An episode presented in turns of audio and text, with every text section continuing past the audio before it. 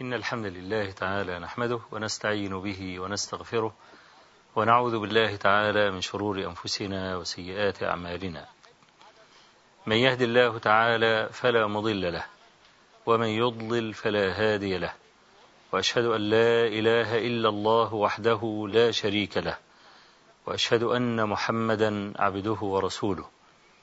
أما بعد فإن أصدق الحديث كتاب الله تعالى. وأحسن الهدي هدي محمد صلى الله عليه وآله وسلم. وشر الأمور محدثاتها وكل محدثة بدعة وكل بدعة ضلالة وكل ضلالة في النار. اللهم صل على محمد وعلى آل محمد كما صليت على إبراهيم وعلى آل إبراهيم في العالمين إنك حميد مجيد.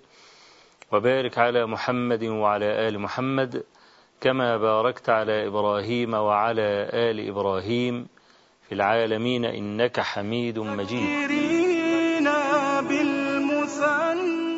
عن يحيى ابن سعيد القطان.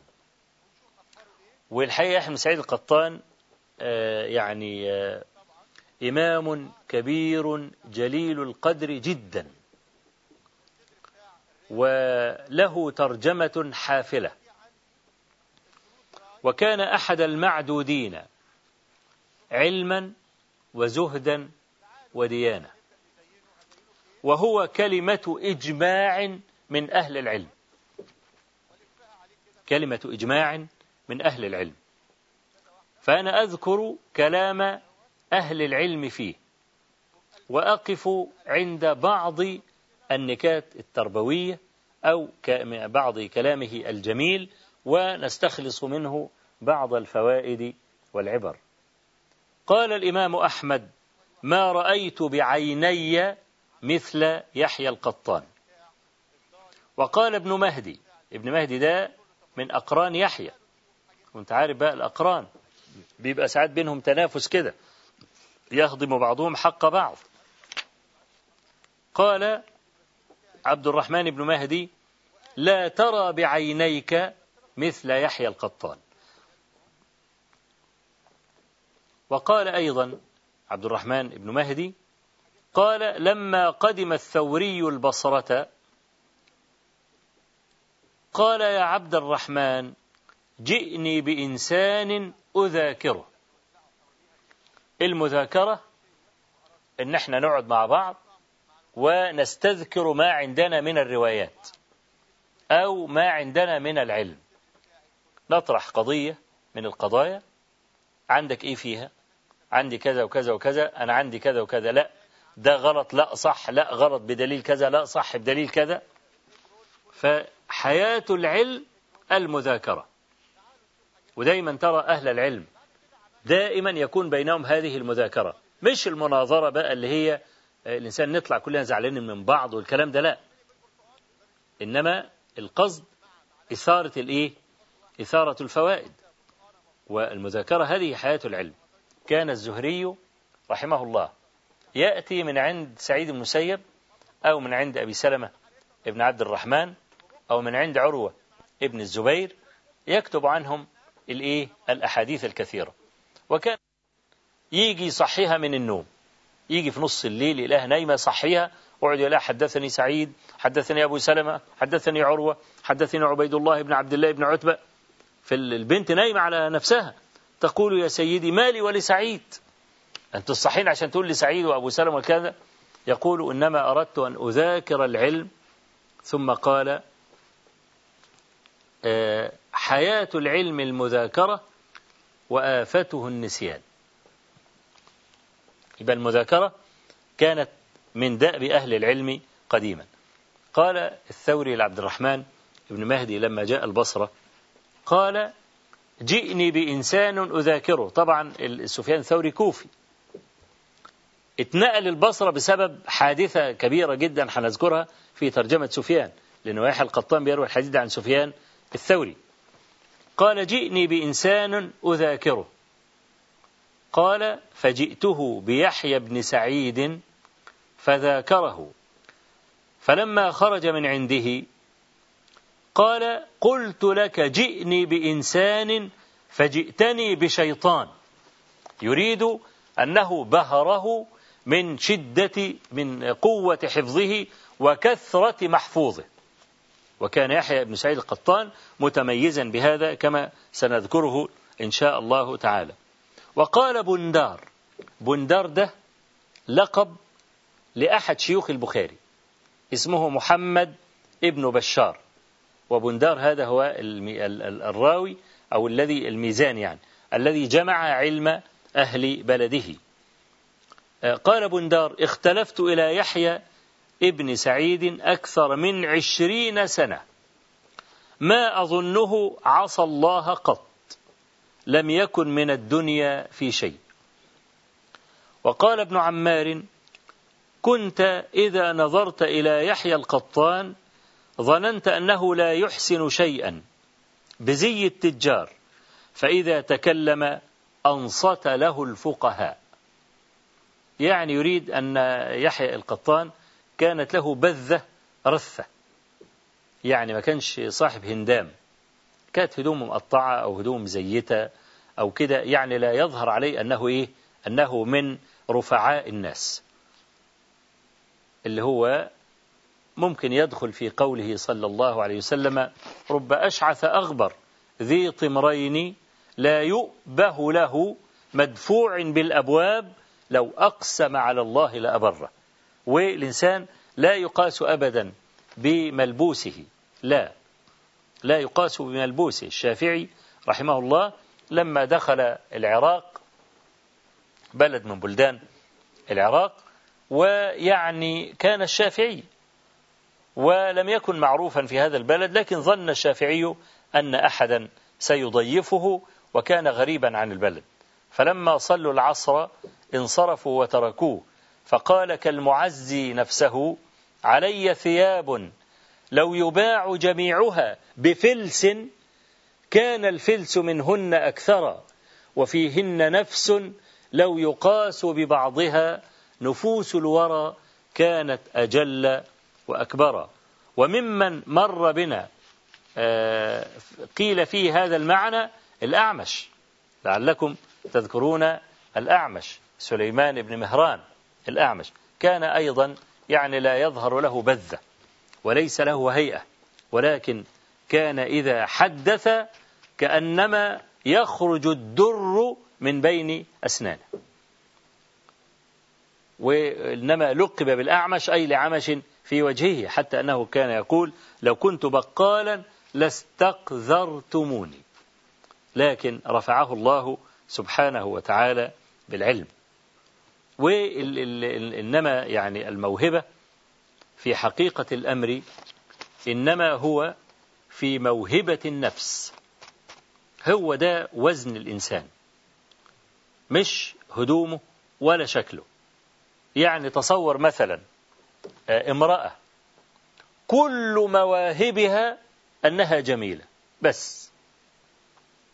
ملهاش إطلاقا حسنة إلا كده. أول ما تفقد المرأة جمالها تساوي صفر حتى عند نفسها. يعني في بعض الممثلات اللي كان برضو عندهم نفس الموهبة دي ما, ما, ما لا تمتلك إلا شكلا. لما أصيبت بالاكتئاب وأخذت بقى أدوية الاكتئاب والبتاع وده الكلام ده تبص لشكلها بقت زي الكورة المنفوخة. خلاص دخلت في اكتئاب ليه؟ لأن الشيء الوحيد الذي كانت تدل به وتعتقد أنها ترتفع على بنات جنسها فقدته. لم يكن عندها من جمال النفس ما يصبرها على لأواء الحياة فدخلت في دور الاكتئاب المعروف وأغلى علاج علاج الاكتئاب. وأسوأ علاج أيضا هو علاج الاكتئاب. كذلك رجل من الرجال لا يرى له موهبة إلا طول وعرض. إذا فقد صحته فقد ثقته بنفسه. لا إنما يقاس المرء بالقوة المستكنة فيه. فإياك أن تقيس الناس بمظاهرهم. لا زي ما أنا قلت لك قبل كده أنت لما بيكون معاك مئة ألف ولا مئتين ألف ولا حتى مليون بتشيلهم في كيس بلاستيك. الكيس البلاستيك ده أو في شنطة مثلا. الشنطة دي أو الكيس ده يساوي كام يعني؟ نص نص جنيه كيس بلاستيك؟ ولا لو يعني متين شوية ولا بتاع يجيب له جنيه مثلا؟ ولا شنطة تجيب لها 30 40 جنيه؟ وشايل فيها 3 4 مليون؟ لا. يعني لا لا تقس الناس إلا بمواهبهم يحيى القطان أهو يعني إذا نظرت إليه احتقرته ولكنه إذا تكلم كان ينصت له الفقهاء. قال علي بن المديني كنت عند يحيى القطان فقرأ رجل سورة الدخان فصعق يحيى وغشي عليه. قال أحمد بن حنبل معلقا على هذا لو قدر أحد أن يدفع هذا عن نفسه لدفعه يحيى القطان. يشير إلى يعني الصعق الذي استجد في عباد البصرة. كان الواحد منهم إذا سمع القرآن صعق كان يغشى عليه لرقة قلوبهم وما كانوا يتحملون. وطبعا هذه الحالة ليست هي حالة الكمال بل حالة الكمال أن يظل المرء مستمسكا إذا سمع القرآن يقشعر جلده ثم يلين جلده وقلبه. زي ما كان الصحابة رضي الله عنهم يفعلون. كانت عائشة رضي الله عنها تقول إن القرآن أكرم من أن تنزف عليه قلوب الرجال. يعني إنسان يسمع القرآن ما يغماش عليه. إنما يسمع القرآن يحيا به. الصحابة كانوا كده. وده معنى كلام عائشة رضي الله عنها. ولذلك كان سعيد المسيب إمام أهل المدينة ينكر هذا الذي يجري ويظن أن بعضه أو أن أكثره مفتعل. فكان يقول فليأتني واحد من هؤلاء وليقعد على جدار وسأقرأ عليه القرآن فإن سقط فهو صادق. عايز يقول يعني إن كثير من هؤلاء اللي هم يصرخون صراخا أو يغشى عليهم أن يعني أكثر هؤلاء يتصنعون. الإمام أحمد بن حنبل رحمة الله عليه يقول لو قدر إنسان على دفع مثل هذا عن نفسه أي دفع الصعق عن نفسه لكان يحيى ابن سعيد القطان. يشير إلى أن يحيى القطان ليس ممن يفتعل ذلك. لكن كما قل كثرت العبادة في البصرة ورقت قلوبهم فما كانوا يتحملون قراءة القرآن. يعني علي ابن الفضيل بن عياض كان من هذا الضرب. كان إذا سمع آية عذاب يغشى عليه. حتى كانت امرأة الفضيل تحثه على ألا يقرأ بآيات العذاب وعلي يصلي خلفه. ليه؟ لأن كان علي لا يتحمل. فذات مرة تقدم الفضيل ليصلي فناظر فلم يجد عليا فقرأ. حتى وصل علي ووقف في الصف والفضيل لا يشعر بذلك فقرأ إن عذاب ربك لواقع فغشي على علي ثلاثة أيام. كما قلت كان يعني كثير منهم لا يتحمل مثل هذا. وطبعا لنا وقفة إن شاء الله تبارك وتعالى مع هذا المعنى في المرة القادمة إن شاء الله عز وجل وقدر. وأسأل الله تبارك وتعالى أن يجعل ما قلته لكم وما سمعتموه مني زادا إلى حسن المصير إليه وعتادا إلى يمن القدوم عليه إنه بكل جميل كفيل وهو حسبنا ونعم الوكيل وصلى الله وسلم وبارك على نبينا محمد والحمد لله رب العالمين